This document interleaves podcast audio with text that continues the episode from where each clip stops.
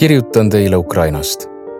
olen reisiblogija ning mitme digitaalse Telegrami kogukonna asutaja Harkivist, Ukrainast. Levila jaoks pean päevikut elust sõja ajal.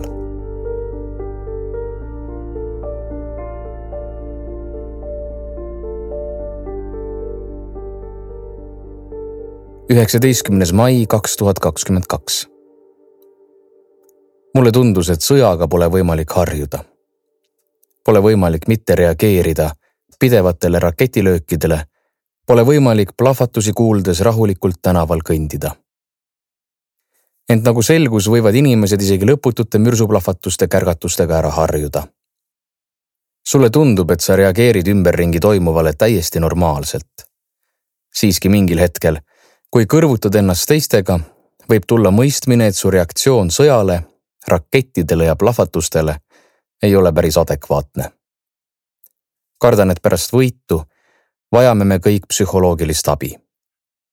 taban end aina sagedamini mõttelt, millise trauma see sõda meie põlvkonnale tekitab.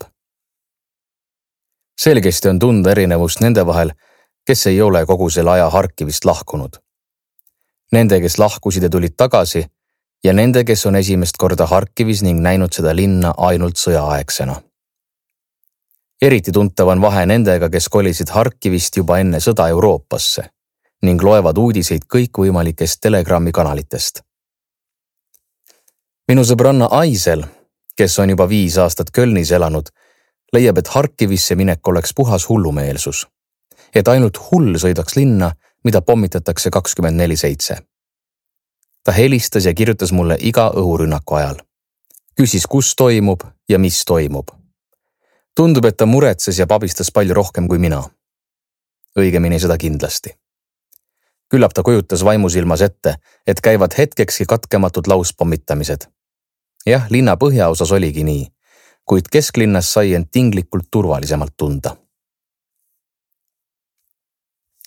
Ljošaga samas majas, ainult teises trepikojas, elavad meie ülikooliaegsed sõbrad.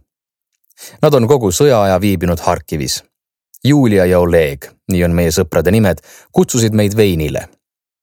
leida linnas ükskõik millist alkoholi on sisuliselt ebareaalne. sõja esimestest päevadest peale kehtib Harkivist kuiv seadus. kuid Julial ja Olegil on veel üht-teist alles sõjaeelsetest varudest, nad hoiavad seda erilisteks puhkudeks. meie tagasitulek Harkivisse oligi üks selline puhk õhtul saigi siis istutud, veini joodud ning kergelt nagu tekkis vana sõjaeelse elu tunne.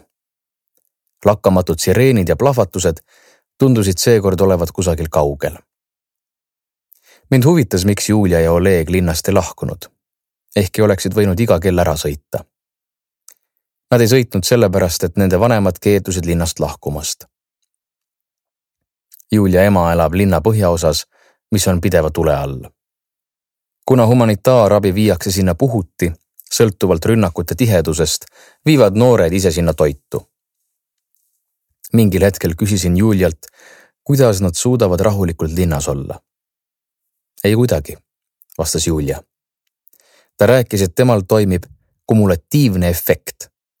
kümme päeva emotsioonid kuhjuvad, siis Julia murdub, kukub paanitsema ja hüsteeritsema, pärast aga rahuneb ja lepib olukorraga ja niimoodi iga kümne päeva järel.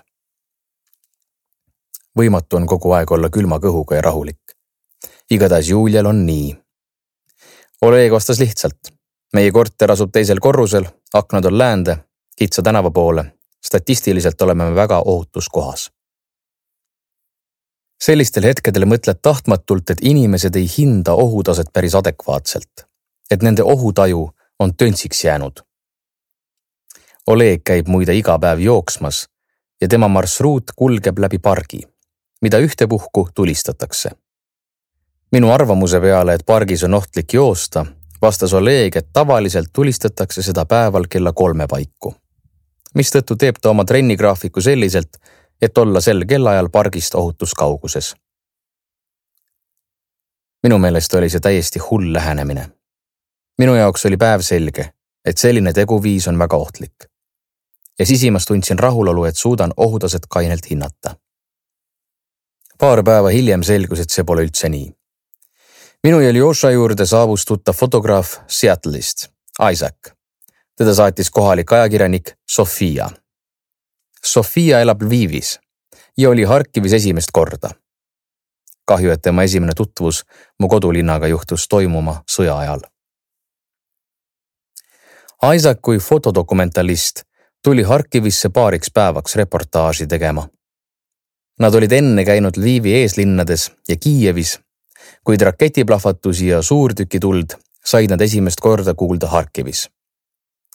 Nende Harkivist lahkumise päeval vihises rakett otse üle meie maja ja plahvatas meist umbes kolmesaja viiekümne meetri kaugusel. rakett tabas turgu, kust möödusin iga päev, kui läksin kirikusse ema juurde. see rakett oleks äärepealt tapnud ühe mu tuttava neiu. talle lendas kild silma. arusaadav, et plahvatus oli tugev ja pani meie korteri aknad värisema. sel hetkel jõudis mulle pärale, et ma hindasin olukorda siiski ebaadekvaatselt. ka minu ohutaju oli nüristunud.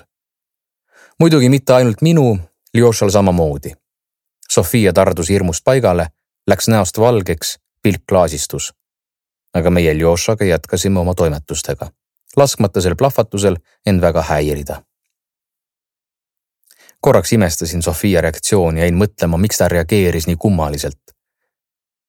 siis aga mõistsin, et just tema reageeris adekvaatselt, nagu üks inimene peabki sellistele asjadele reageerima siis tajusingi, milline kontrast on Julia ja Olegi, minu ja Ljoša, Sofia ja Isaki ning Saksamaal asuva Aiseli vahel.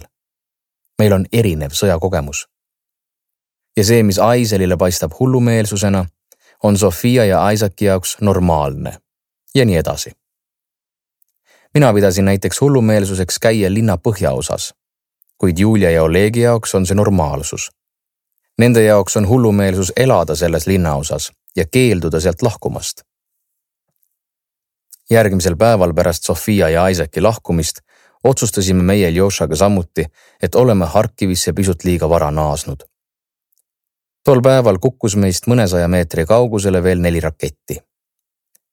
ilmselt ilma Sofia reaktsioonita ei olekski me taibanud, et peaksime olema veel mõnda aega väljaspool Harkivit, mõnes ohutumas paigas kui me lahkudes taksosse istusime, et sõita rongijaama, lõhkesid mürsud juba päris lähedal, mis üksnes kinnitas meie otsuse õigsust.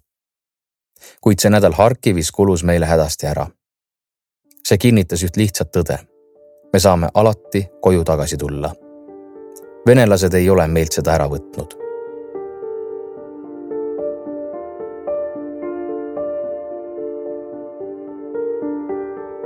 autor Taras Kovaltšuk, tõlkija Veronika Einberg, toimetaja Iisa Laan. audiolugu loeb Karmo Nigula. Salvestus, helikujundus, originaalmuusika Konstantin Tsõbulevski. Levila kaks tuhat kakskümmend kaks